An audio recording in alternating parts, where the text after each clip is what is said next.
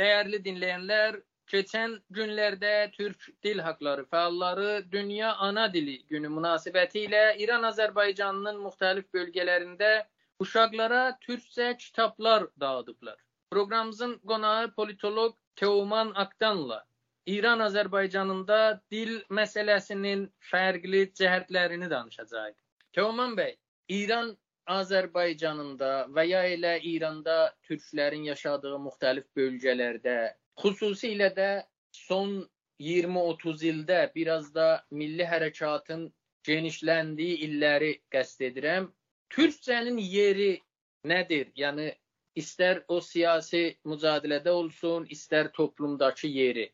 Çox təşəkkür edirəm bu söz fürsəti üçün. Bizi dinləyən hər kəs salamlayıram ana dilin önəmini tartışmadan öncə ana dil üzərində olan e, yasaqların fəlsəfəsi və mahiyyəti üzərində qısaca durmaq istəyirəm. Bildiyiniz kimi 20-ci yüzildən başlayaraq İranda siyasi yönetimlər öz egemenliklərini gücləndirmək və yerel xalqları kontrol altında tutmaq üçün ana dil yasağını bir siyasi kontrol mekanizması olaraq kullanmışdır. Bu ana dil yasağı sömürgəçi iktidarların hegemonik gücünün sürdürülməsi yolunda və yerel toplulukların asimlə edilməsində bir strateji kimi işə alınmışdı və bu ana dil yasağı İranda güc ilişkilərinin və kültürel hegemoniyanın bir e, göstərgəsi kimi görülməlidir. Ana dil yasağı bildiyiniz kimi xalqın kimliyi, siyasi üzərçiliyi, e,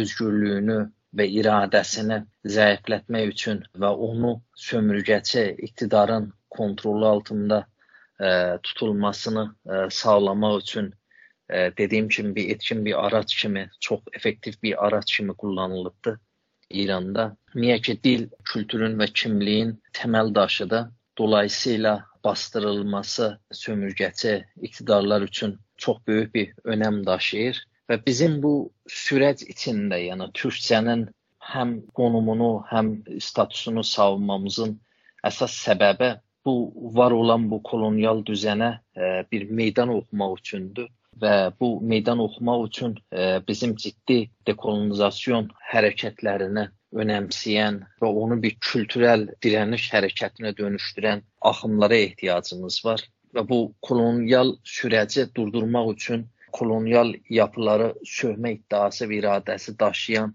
özərkiliyi yenidən toplumun gündəminə oturdan, onu hər türlü bağımlılıqdan qurtulmasının yollarını arayan və yolları topluma sunan bir sivil isyan hərəkətinə ehtiyacımız vardı və türkcə bu isyan hərəkətinin, bu meydan oxumanın dili, zərurəti və ehtiyacı olmalıdır. Dolayısıyla türkcəni acil bir ehtiyac kimi, bir tarixi zərurət kimi ortaya qoymaq lazımdır və var olan siyasi hərəkət, var olan kültürel hərəkət türkçənin bu e, yönündən faydalanmaya çalışır. Türkçə kültürel hegemoniyaya qarşı, kolonial zehniyyətə qarşı, e, kolonial eğitim sisteminə qarşı e, sistematik bir şəkildə empoze olunan beyin e, yumaya, indoktrinasyona qarşı bir mücadilə literaturunun dilidir indiki durumda İranda. Bir də Teoman bəy, biz baxanda son illərdə tələblərə baxanda, yəni bir ana dili olaraq hüquqlar tələb olunur. Bir tərəfdən də o ana dili diskursundan çıxaraq elə dil olaraq bu dilə bir status tələb edilir sanki. Bu daha çox bir haqq məsələsidirmi, yoxsa status məsələsidirmi və ya hər ikisi də varsa ikisinin yeri, önəmi bir-birindən fərqlidirmi? Nədir? Nə deyirsiniz? Bayaq da dediyim kimi əslində bu türkcə hakim qrupun e, hegemonik rəvayətlərinə qarşı kolonial bir düzənin içində kolonial propagandaya qarşı yürüdülən e, kolonial dil hegemoniyasına qarşı alternativ e, rəvayətlərin dilidir. Alternativ bir mücadilənin mahiyyətini, alternativ bir mücadilənin hədəflərini oluşturur. Əsas bir hədəfini oluşturur. Dolayısıyla bu sırf e, haqdan ziyadə, yəni bu kültürel bir haqq olmaqdan ziyadə hakim xalqın sömürüsünü məşru, yasal, rasional, yəni əqlani və gərəkli göstərən bu kolonial söyləmə e, bir meydan oxumanın meydanıdır. Dolayısıyla bu haqdan ziyadə bir mücadilə alanıdır. Bu bir statuya yönəlib, eşit bir statuyu əldə etməyə yönəlik bu dil məsələsi indiki e, İrandakı mövcud siyasi vəziyyətdə dili tələb etmək əslində bir statuyu tələb etməkdir. Eşit, adil, e, bərabər bir fürsətlərə sahib olmanın ə, e, zərurətini ə, e, altını çizməkdir. Dolayısıyla sırf bunu kültürel alana həbs eləmək doğru bir yöntəm deyil, doğru bir məsələləri ə, oxuma şəklində deyil. Tam tərsi toplumun ə, siyasi özərkliyini, özgürlüyünü və iradəsini savunmaya yönəlik bu tələblərə ə, e, həqiqi mənada gerçəkləşdirməyə yönəlik bir statunun əldə edilməsinə yönəlik bir mücadilədir. Dolayısıyla da türkcə bu özərkliyin, bu özgürlüyün, bu demokratik haqların, demokratik mücadilənin, bu kolonial düzənin tamamilə alt-üst edilməsi və bunun demokratik bir sürəcə, demokratik bir çərçivəyə dönüşməsinə ə, e, meydan yaradan, zəmin hazırlayan bir tələbdir. Yəni bu bu kontekstdə sizin o işarə elədiyiniz həm elə haqq məsələsi üzərindən o diskurslara baxanda, həm status məsələsi üzərindən baxanda, həm Azərbaycan Milli Hərəkatının türk fəalların daha çox üzərində durduğu diskurs, baxış, həm də İran hakimiyyətinin buradakı mücadiləyə olan təpkisi zaman zaman məsələn tutulmalar da var və ya sansur siyasətləri olsun, həm də onun təpkisi baxımından. Onların da baxışı, həm milli hərəkatın diskursu, həm hakimiyyətin təpkisi və diskursu bu da elə eyni istiqamətdədirmi?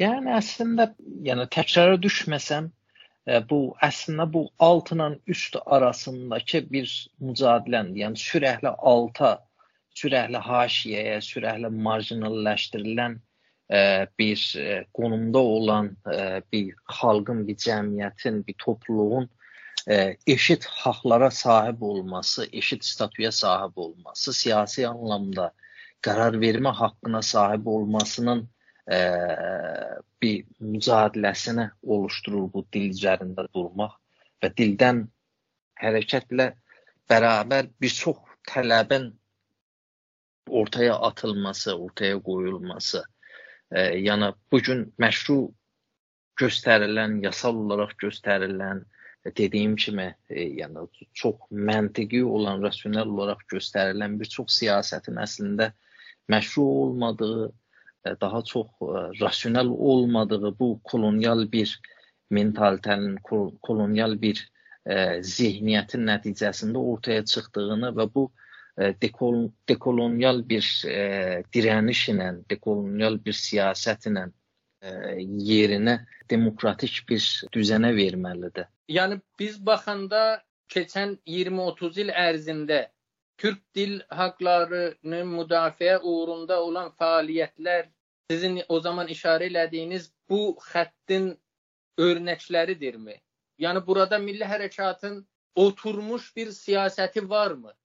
Yəni dediyim kimi əslində bir kolonial düzə, düzən var və e, Azərbaycan milli hərəkatı əsas fəlsəfəsi bu kolonial düzənə qarşı e, bir e, mücadilə alanı oluşturub bu kolonial düzəni alt-üst eləməsidir. Bu kolonial düzəni istər eğitimdə olsun, istər iqtisadda olsun, istər siyasətdə olsun, fərqli-fərqli alanlarda meydan oxumaq ə, və bu kolonial düzəni tamamilə ortadan qaldırmaqdır. Ona görə bu 20 il və ya sizin dediyiniz kimi bu son dövrdə ortaya çıxan ə, kültürel dirəniş hərəkətləri bizim coğrafiyamızda ə,